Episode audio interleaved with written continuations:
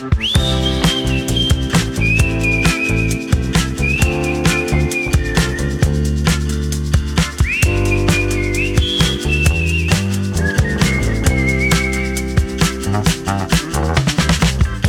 dia, Sílvia. Bon dia, Andreu. Com estàs? Bé, Sí? Estàs contenta? Ha sigut Sant Jordi. sempre estic contenta quan ha passat Sant Jordi. És un dia molt bonic. A més, aquest any ha caigut en diumenge. Clar, a sobre, a sobre era cap de setmana. Home, ja tocava, eh? Perquè quan és entre setmana és com que és un dia molt bonic, però has d'estar treballant.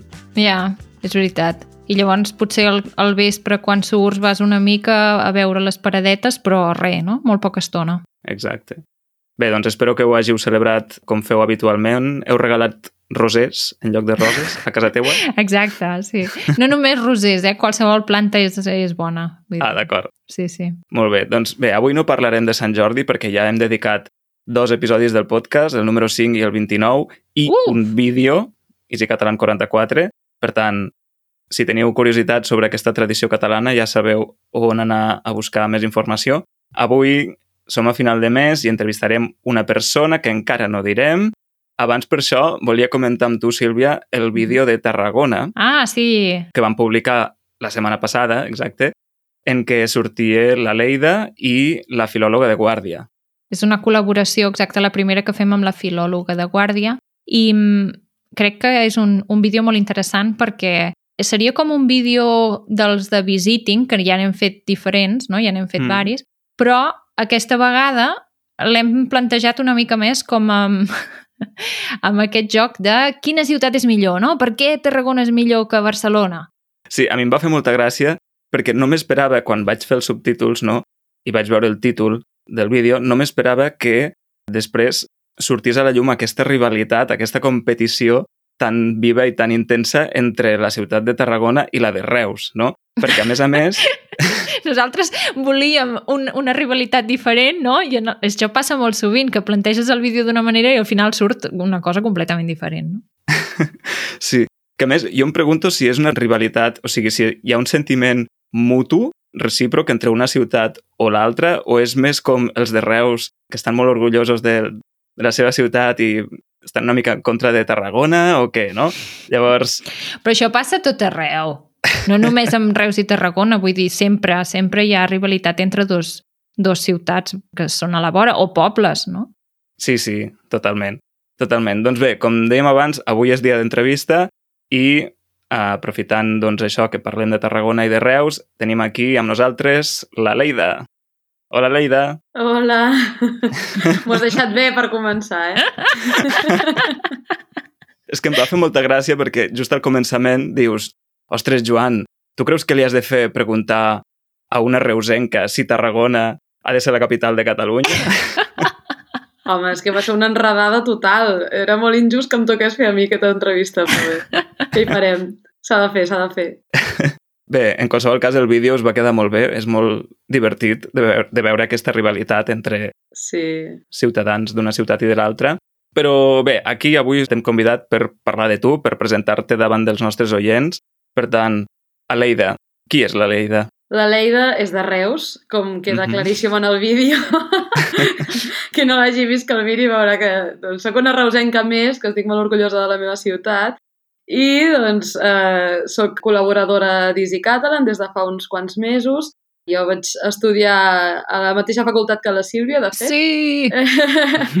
Vam estudiar, sí, els mateixos anys, però no ens vam conèixer. En el meu cas, doncs, vaig estudiar català i anglès, que doncs, tenim la sort que la gent inquieta ens deixaven poder triar més d'una llengua. I, I jo, com no m'acabava de decidir, doncs, eh, vaig triar català i anglès. I, i bé, doncs, eh, és com una de les meves passions, la llengua i sobretot la, la literatura o, o la, la cultura en general, les ficcions en les seves diferents facetes, perquè després també vaig estudiar un màster de- d'audiovisuals, perquè m'agraden molt les sèries, sobretot, i el cinema. Uh -huh. Llavors, eh, sempre m'he m'he dedicat al món de la comunicació de diferents maneres, però sempre intentant doncs, destacar una mica la part creativa de, de la comunicació i llavors m'he acabat especialitzant més en la redacció. I bé, dins d'Easy Catalan doncs, tinc la sort que, que he treballat d'això i, i el que més m'agrada crec és fer els guions dels vídeos, em serà superdivertit, mm -hmm. sobretot després quan veig que es converteixen en realitat, és molt satisfactori. Sí, eh? sí, la veritat és que sí. I bé, i també doncs, estem preparant un, una cosa molt, molt important, que, que és un curs que aviat estarà disponible, bé aviat d'aquí uns pocs mesos, Uh, per les persones que vulguin aprendre català de zero i també em fa molta il·lusió. De fet, ara fa poc hem estat tancant doncs, parts importants de- d'aquest curs i, i bé, doncs també esperem que us faci il·lusió a les persones que apreneu català. carai. Jo crec que això serà un, un abans i un després, eh, Aleida? Sí, no? És una bomba. És una bomba. Eh, el curs que estem preparant és pf, genial, fantàstic, una meravella. A més, és, és d'autoprenentatge, o sigui que per tots aquells que comenceu de zero, pf, genial, us anirà perfecte. Sí, de fet, ara estem en la fase que ja estem tancant unitats i començant a traduir aquest curs perquè igual que els vídeos tindrà les explicacions al costat o d'alguna manera disponibles també en castellà i en anglès, no? Mhm. Per tant, per qualsevol persona que vulgui començar de zero, serà un curs molt accessible. Sí, exactament, i crec que a més a més serà divertit. Hi ha alguns petits easter eggs, que se'n diu en anglès, que no vull avançar perquè són una sorpresa i a més el Joan crec que em mataria. Però, però sí, val molt la pena, val molt la pena. molt bé. Però a part de tot això que ja ens has explicat, Aleida, també fas moltes Mhm. altres coses a dintre Sí. sí. d'Easy Catalan. Què més fas? Bé, a, ban- a banda de tota la feina relacionada amb els, amb els vídeos, les transcripcions i els subtítols, l'altra cosa que per mi és la meva preferida i crec que avui doncs, en parlarem amb més calma Uh -huh. és el, és el club de lectura que dinamitzo dintre del Mhm. Discord, que com sabeu, doncs al nostre servidor de Discord hi poden accedir els membres de la comunitat Uh -huh. Llavors, totes les persones que són tan fans com jo de, de llegir, de llegir llibres en català, doncs tenim aquest espai que setmanalment ens trobem i comentem llibres. Llavors els triem de manera superassembleària, perquè això també és una de les meves facetes, que sóc una persona molt democràtica i m'agrada molt fer les coses així. Llavors, entre tots i totes decidim quin llibre volem llegir i llavors, doncs, jo faig una mica la, la feina aquesta de, de decidir, doncs, aquesta setmana llegim, doncs, si són relats, aquests relats. Si són mm, articles, doncs, aquests articles. Llavors, més o menys ho vaig repartint. Llavors, també decidim cada setmana quina és l'hora i el dia que ens va millor trobar-nos. I bé, i així ho fem, intentem que tothom que ho vulgui pugui participar i simplement, doncs, comentem, diem què ens ha semblat, quines coses ens ha fet pensar, llavors, no sé, és molt enriquidor, ens dona l'oportunitat de conèixer les persones que hi participen de manera bastant íntima perquè, doncs, quan llegeixes, no, et toca les emocions, et toca els records i és un espai superbonic que jo cada setmana tinc moltes ganes de, de retrobar i de participar-hi també. Per tant, us trobeu sempre una vegada a la setmana. Aquesta vegada a la setmana, cada setmana aneu decidint quan us va millor a tots per poder-ho fer. I els llibres que tu dius que llegiu, quantes setmanes duren? O sigui, quantes setmanes teniu per llegir aquell llibre o aquelles lectures? Sí, depèn una miqueta, perquè ara, per exemple, n'hem començat un de Pere Caldés, que és bastant més llarg que el que fem habitualment. Hem intentat ser ambiciosos i, i, i fer-ho una, una mica al mateix ritme que els anteriors. Uh, això vol dir sobre, sobre un mes, més o menys, per tampoc a, Mhm. avorrir-nos. Vam començar amb uns relats de, del Quim Monzó, Uh -huh. que eren més accessibles, eren una miqueta més fàcils a nivell de llengua. Llavors ens ho van ventilar bastant ràpid, això en un, en un maset o un maset una mica més. I després els de la Montserrat Roig van anar una miqueta més lents perquè eren una miqueta més difícils. No? Llavors ho anem adaptant, però va sobre el mes. Llavors també entre llibre i llibre hem intentat doncs, també fer unes trobades més o menys mensuals cap a final de mes que les persones que no tenen prou nivell per llegir-se un llibre sencer en català o, o no tenen temps o no els interessen els llibres que triem, doncs també puguin participar de tant en tant i fem, doncs, xerrem al voltant de llibres en general, perquè com tots llegim molt i ens, i ens agrada molt el tema, doncs ens... Eh, és que hi ha, hi ha diverses persones que estan i jo m'incloc, perquè abans no ho feia, però ara amb el Club de Lectura també ho faig, tenim diversos llibres oberts a la vegada, llavors mm. Fem recomanacions, eh, parlem, jo què sé, de, ara, per exemple, vaig, vaig fer unes preguntes abans de Sant Jordi de diferents recomanacions que, que faríeu, per exemple, per comprar llibres per nens petits, per comprar llibres per una persona que fa poc que has conegut i t'has fet amic o amiga, i després llibres per tu mateix, recomanacions per tu mateix. Llavors, intentem que sigui així bastant dinàmic, que puguis pensar doncs, en diferents llibres, ja siguin originals en català o traduïts no? al català. Uh -huh. I a vegades fins i tot hi ha persones que parlen de llibres de la seva llengua, perquè doncs, a vegades doncs, parlem també les llengües que parlen altres persones, ja sigui el francès, l'anglès o bé, si hi ha tantes llengües, però o el castellà, no? Llavors, eh, és bastant dinàmic i, i més o menys intentem que s'adapti al que tothom vol. Jo crec que potser algun dia i és un projecte que tenim així obert. Fem dos clubs de lectura, un per persones que tenen menys nivell i d'altres doncs, que, que ja poden llegir de manera més fluida. Clar, perquè aquest deu ser un dels problemes que et deus trobar, no? Que potser una lectura que tu pensaves que mm. potser mm. tothom podria seguir correctament i hi ha persones que sí. el nivell ja sigui de llengua o, o perquè potser és un, una novel·la també com molt filosòfica o vés a saber, no? Sí, en general crec que té més a veure amb el tema de llengua i vocabulari, perquè, per exemple, mm quan vam llegir la Montserrat Roig, clar, tot i que és un llibre que, que no és tan antic, perquè és dels 80 o dels 70 el que vam llegir, parla de famílies de, de principis de segle XX o finals del segle XIX, mm -hmm. llavors intenta fer una recuperació molt interessant de llengua que ja en aquell moment ja no es parlava, doncs imagineu ara, no? 40 anys després, encara, encara es parla menys, eh, però sí, són, són paraules que són molt antigues o expressions yeah. molt genuïnes del, del barceloní d'aquella època, llavors mm -hmm. costa i va haver certes persones que em van dir ostres, Aleida, baixem el ritme perquè, perquè crec que no ho puc seguir. I vam dir, d'acord, cap problema.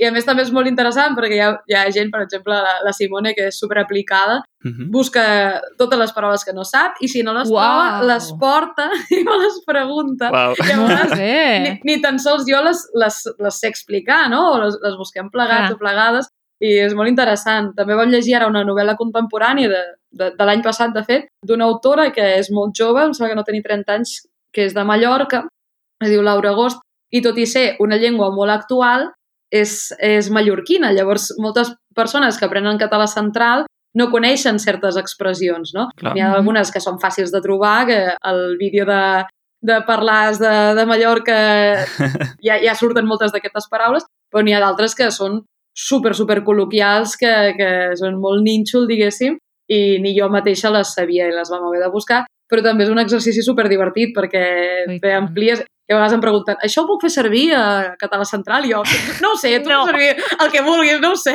Si no t'entenen, m'ho expliques. és, és, també és una riquesa. Jo també faig servir paraules que, que he après fora del meu context habitual i no passa res. Clar. I si algú no l'entén, doncs també l'explico. Llavors, bé, també és divertit. No sé, és una manera de, d'aprendre la llengua mm, diferent i, i, i, i també molt enriquidora. Carai, molt bé. O sigui que entenc, així en resum, que assembleàriament, com has dit, decidiu la lectura del, del proper mes i llavors sí. a les sessions aneu amb els deures fets, no? O sigui, la lectura ja feta Sempre. de casa i comenteu la lectura. Exacte. Sí, sí, sí. Hi ha vegades que no tothom ha tingut temps de llegir-se el que tocava, però no passa res perquè eh, és totalment obert. Intentem, si és el cas, no fer spoilers molt, mm. molt bèsties. Ho intentem, tot i que em sembla que, per exemple, quan vam acabar el llibre de la Laura Agost, va participar, no sé si va ser l'Ernesto o el, o el Camilo, que no se l'havien acabat, i vam dir, bueno, ho sento molt, però et farem spoilers. I ho vam fer perquè, clar, al final era molt fort i era com, hòstia, és que eh, ho hem de comentar, això. Però bé, ens van donar el seu permís i, i no va passar res.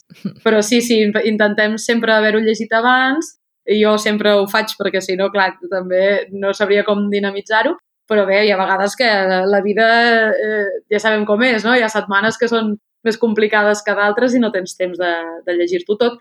Però bé, mm. també al final acabem parlant de, del sexe dels àngels, vull dir que tampoc no, no, no comentem cada punt i cada com. A, a vegades, jo què sé, doncs, per exemple, el mateix exemple del llibre de la Laura Agost parla d'una persona que pateix bulímia, llavors vam parlar de la bulímia de manera molt general també vam parlar, doncs, de, jo què sé, traumes, si una mica més d'infantesa o d'adolescència, hi havia moltes coses uh. -huh. que tots ens hi sentíem identificats. Llavors van sortir moltes històries personals. No sé, és una manera d'obrir-se no? I, de, i de reflexionar sobre la mateixa vida no? de cada persona i a la vegada doncs, estem practicant el català de manera doncs, bastant intensa perquè et fa reflexionar molt, parlar de coses molt abstractes, llavors, no sé, és un bon exercici. Molt bé.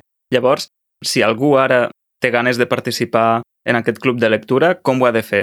Doncs és molt fàcil, han de fer-se membres de la nostra comunitat i entrar dintre del Discord. Llavors, dintre del Discord hi ha un canal que està dedicat exclusivament al, al club de lectura i allí mateix doncs, pot escriure un missatge. De fet, un, un usuari va escriure fa unes setmanes i jo no vaig tenir temps de respondre que el mateix Camilo, que és molt actiu, mm. ja va respondre ell i ja va explicar com funciona. Llavors va ser perfecte perquè és una comunitat autogestionada totalment. Veus? I, sí, sí. I llavors, doncs, res, explica una mica el funcionament, quin llibre tenim en marxa, Llavors, eh, sempre jo creo un esdeveniment quan hem decidit el dia i l'hora de la propera trobada i llavors eh, simplement doncs, diuen que hi participaran o no, a vegades simplement s'hi afegeixen en el moment i res, llavors quan comencen, doncs moltes vegades si hi ha persones noves el que fem és presentar-nos, no? Si, no, si no ens coneixem, ens expliquen doncs, quines inquietuds tenen, si han llegit eh, llibres en català abans o no, uh Mhm. -huh. quin tipus de llibres els agraden. Llavors ja comencem a parlar del llibre més o menys pel, pel punt en el que estem. Hi ha hagut persones que s'han incorporat, que ja havien començat un llibre, llavors li fem doncs, una mica, si han llegit el llibre, doncs no cal fer-li el resum del llibre, si, si no l'han llegit, doncs posar una mica al dia, i també posar una mica al dia de què estem opinant com a grup Uh -huh. sobre el llibre, perquè moltes Clar. vegades arribem a conclusions, no?, que és, és molt interessant perquè les reprenem a la setmana següent, de dir, hosti, sí, això ja ho havíem parlat, i alguna persona que potser s'ha perdut alguna trobada diem, sí, mira, la, la setmana pas- passada vam comentar justament això, ah, sí, sí, llavors jo intento a vegades, doncs, si, si tinc temps i, i s'han dit coses així interessants, fer un petit resum i el penjo en el mateix canal, que és bastant actiu i hi ha, hi ha molta informació i allí doncs, ens comuniquem. Llavors, més o menys, jo crec que fins i tot les persones que no poden participar de les trobades, que també n'hi ha hagut algunes que han fet les lectures sense poder-hi participar, Uh -huh. també poden estar al dia i, i dir la seva opinió, escriure-la... Llavors, eh, és bastant guai perquè és flexible en aquest sentit. Molt bé, doncs si us hi voleu apuntar heu d'entrar a easycatalan.org barra membership. Exactament.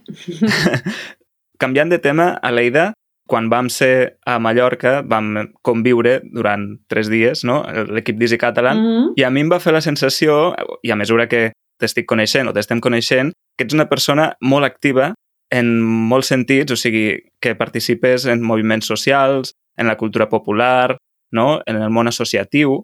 Llavors, mm. jo et Mm. volia preguntar una mica més sobre això i, no sé, com és que et mous tant, no? Que... jo crec que això és pel fet de ser de Reus. Ah, d'acord. No, no, no per tornar al mateix tema.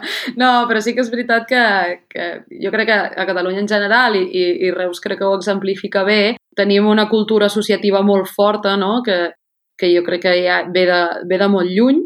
A Reus tinc un, un company que bé, és antropòleg, però també doncs, fa molta recuperació de, de història, diguéssim, popular, que diu que la nostra ciutat era o sigui, era, era brutal la quantitat d'associacions que ja hi havia, d'expressions de, de cultura popular, que això, doncs, com sabem, amb el franquisme es va estroncar bastant, però hi ha hagut una certa recuperació a partir, sobretot, dels anys 80 i 90, i llavors eh, crec que una manera que tenim, doncs això, els reusencs i els catalans en general, de relacionar-nos amb la nostra comunitat i, i bé, amb el nostre entorn, és a través doncs, dels interessos personals que tenim, ja sigui doncs, amb la cultura, amb opinions polítiques o, o bé, d'altres coses. Hi ha associacions de, de canxet, hi ha associacions d'escacs, de, de jocs de rol, no sé, de, de, de milions de coses, no? I en el meu cas, doncs, jo sempre he tingut tirada, per una banda, per la part més, més cultural, que participo de manera menys freqüent del que m'agradaria a una associació que, de fet, lidera el meu pare, Uh -huh. que es diu el Safareig Poètic, que fan jams de poesia cada mes a Oh, Reus, per exemple. que. Doncs això és una de les coses que m'agrada fer de tant en tant. I després doncs, hi ha la part una mica més política o social, que diguéssim que doncs, una de les associacions eh, en les que estic més actives, que es diu Reus Refugi, Uh -huh. que és una associació que treballa amb persones refugiades, nouvingudes a la nostra ciutat i, i a l'entorn. I bé, llavors hi ha com una banda que diguéssim que és més pràctica o més de peu de carrer, que fan doncs, els meus companys i companyes de- d'ajudar a, a persones que acaben d'arribar i, i tenen necessitats diverses, no? des d'aprendre la llengua fins a trobar pis o, o tenir accés a recursos concrets. I a mi el que m'agrada fer i la manera que participo més activament és fer sensibilització sobre el tema de les migracions i dels drets humans. Llavors hi ha com la part aquesta més política que m'agrada a mi i, per exemple, doncs una cosa que faig cada any és organitzo o participo en l'organització d'unes jornades que fem al voltant d'aquests temes que bueno, ve gent superpotent i, i fem ponències, fem activitats i ens dediquem a això, a la sensibilització, a la reflexió i bé, a, a, a parlar de, de l'acollida i de la convivència amb persones d'altres orígens al nostre país i al nostre entorn. Llavors, és, és un tema que per mi és molt interessant i que bé, doncs, també t'ajuda també a créixer com a persona i, i conèixer a, a veïns i veïnes que potser d'altra manera no, no coneixeries. I l'altra part, diguéssim, de la, de la meva militància eh, és participar de la CUP, que és una organització política que té representació a les institucions, diguéssim, més, més estàndard, un partit polític, per dir alguna manera, tot i que no ens agrada fer servir aquesta expressió, i, i jo em formo part doncs, també des de fa bastants anys a l'assemblea de, de la meva ciutat, de la CUP de Reus, i bé, doncs això és, un, és una participació política una mica més genèrica, parlem de, de, de molts temes diferents, que, que es basen, diguéssim, al nostre ideari, però sempre molt des de la base, des de l'assemblearisme. Carai, com si fos poca cosa, eh? Déu-n'hi-do. Sí. Déu-n'hi-do. Doncs, sí, sí. bé, potser en el bonus et fem algun parell de preguntes més sobre la teva, Perfecte. la teva implicació política, però Molt si et bé. sembla bé, ara passem a... L'expressió de la setmana. Com és ja tradició, hem demanat que ens diguis alguna expressió que t'agradi o que et sembli curiosa i que ens expliquis què significa. D'acord. Jo us porto una expressió que en realitat és un adjectiu, que és Mhm. molt, molt senzill, però li tinc, li tinc doncs, molta estima, i és l'adjectiu eixerit o eixerida, Ah, sí. que, que trobo que s'ha que s'ha perdut una mica, no, no el Mhm. sento gaire, i a mi em, em recorda molt a quan era petita, perquè quan anava a l'escola, vaig anar a una escola pública que m'estimo molt i tenia uns professors doncs, també com molt actius en, en la cultura catalana i, i feien fer servir expressions molt genuïnes i la manera com es refer referien a la meva classe, que érem una classe petiteta en aquell moment, només érem una línia per, per curs i érem uns 20 o 25 nens, i ens deien sempre que érem molt eixerits i molt eixerides, que, que érem uns nens molt eixerits i molt eixerides. Que significa, doncs, això, doncs, ser molt trempat, doncs, estar content, voler participar, no? I, i és una mica, doncs, aquest, aquest sentiment de les, de les persones que ens agrada tant eh, doncs, participar de diferents coses i ajudar i ser solidaris, no? Llavors, jo considero que, que, que ser eixerit o ser eixerida és, és una qualitat molt bona Uh -huh. i m'agrada reconèixer-la amb aquesta expressió. Molt bé. Jo sí que la faig servir, eh? Ah, sí? Potser no cada dia, però sí que és una paraula que, vull dir, la reconec com a, com a pròpia de, del meu vocabulari, diguéssim, i m'agrada molt també. Molt bé. Jo la definiria com, o sigui, per mi eixerit és sinònim de content, alegre, no? Una persona amable, afable, o sigui, com de... Sí, com positiva, no? Mm -hmm. Mm -hmm. Sí, sí. Molt bé. Fantàstic, molt bé. Easy Catalan recomana. Com hem dit, Sant Jordi ja ha passat, però sempre és temps de comprar i regalar llibres i com que, Sempre, ets la, sempre. com que ets la moderadora del Club de Lectura i un amant de la literatura, també et volíem demanar que ens fessis una recomanació literària. Molt bé. Doncs us recomanaré un llibre, com no podia ser d'una altra manera, d'un autor de Reus. Ah! Sí. I, i, no, I no ho faré només per escombrar cap a casa. És realment, per mi, i ho corroboren les llistes dels millors, millors llibres de 2022, és una de les millors novel·les de 2022 i es diu Nicolau, no sé si n'heu sentit a parlar. No. Està... Sí, Sí? No, jo no. Que guai. Doncs està publicada a Segona Perifèria, que és una editorial que està fent coses molt xules, i l'autor es diu Antoni Baciana, és una persona que jo conec personalment perquè bé, ens movem també en els mateixos entorns diguéssim, d'associacionisme i ell és molt actiu en el món del, del teatre amateur i ha escrit obres de teatre i aquesta és la seva primera novel·la. I a mi em sembla una novel·la espectacular, que us recomano moltíssim. Per mi va ser una de les millors lectures de l'any passat i, de fet, no, no passa a Reus, però sí que passa en un entorn proper de costa, ni que no diu el, el nom de, del poble, però ho sabem perquè fa servir moltíssimes paraules genuïnes del Camp de Tarragona, llavors d'aquest dialecte tarragoní, ha fet una recuperació a nivell de lèxic brutal, de paraules que jo no sentia des de feia molts anys i moltes que no coneixia.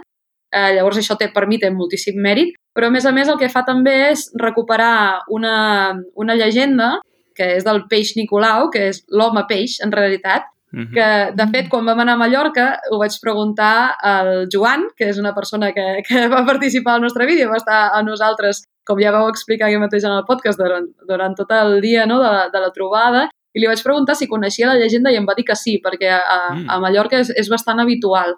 Llavors aquí potser aquí a Catalunya s'ha perdut una mica perquè no tenim, o hem perdut una mica, jo diria, l'imaginari eh, Ja. de costa, no? Uh -huh. I llavors l'Antoni ha fet aquest, aquesta feina de recuperar una, una llegenda que no és exclusiva dels països catalans, també també existeix en altres llocs mediterranis, diguéssim, i va d'això, d'un- d'uns d'un sireno, no sé com dir-li, un home peix, una persona que és, és un sireno, Sí. que a, a, a Vigo, que com sabeu hi tinc, hi tinc vinculació, hi ha un sireno que és una estàtua molt gran, llavors també em fa gràcia això. I, i és una, això, doncs, la història d'un home que, un, no, un noi, en realitat, un xiquet, Uh -huh. que li agrada molt el mar, li agrada molt nedar, i la seva mare li diu, si te'n vas tant al mar t'acabaràs convertint en un peix. I això és el que li passa, no vull fer spoilers, però això, això és, és tota la història, no? Llavors és molt interessant perquè ho explica com si fos una faula per nens petits, de les antigues, eh, de les que són dures, Uh -huh. perquè, perquè també doncs, hi ha com una reacció del poble contra ell, no? Però amb, un, amb una llengua preciosa, amb un lèxic superric. Llavors jo ho recomano molt. Crec que és per un nivell de català una mica avançat, però bé, si no, si no teniu pressa, com és una novel·la curta, la podeu anar llegint a poc a poc i anar buscant les paraules i és una manera doncs, també de conèixer paraules noves, també molt guai. Molt bé. Per tant, Nicolau de... És Nicolau, d'Antoni Baciana, de Segona Perifèria, és l'editorial. D'acord, perfecte. Doncs, Aleida, moltes gràcies per haver vingut avui a l'episodi. Ho hem de deixar aquí. Perfecte. Ha estat un plaer. Ara continuarem en el bonus parlant doncs, d'això, no? de la teva implicació política i potser també una mica de Reus. Molt bé. Moltíssimes gràcies, Aleida, per haver vingut. A vosaltres, ha sigut molt divertit. Igualment. No acabarem per això sense donar les gràcies al Departament d'Empresa i Treball de la Generalitat de Catalunya pel suport que ens dona, així com a tots els membres de la comunitat, alguns dels quals participen en el Club de Lectura de la Leida. Així que, sense res més a dir, acabem. Que vagi molt bé. Adeu! Adeu, adeu!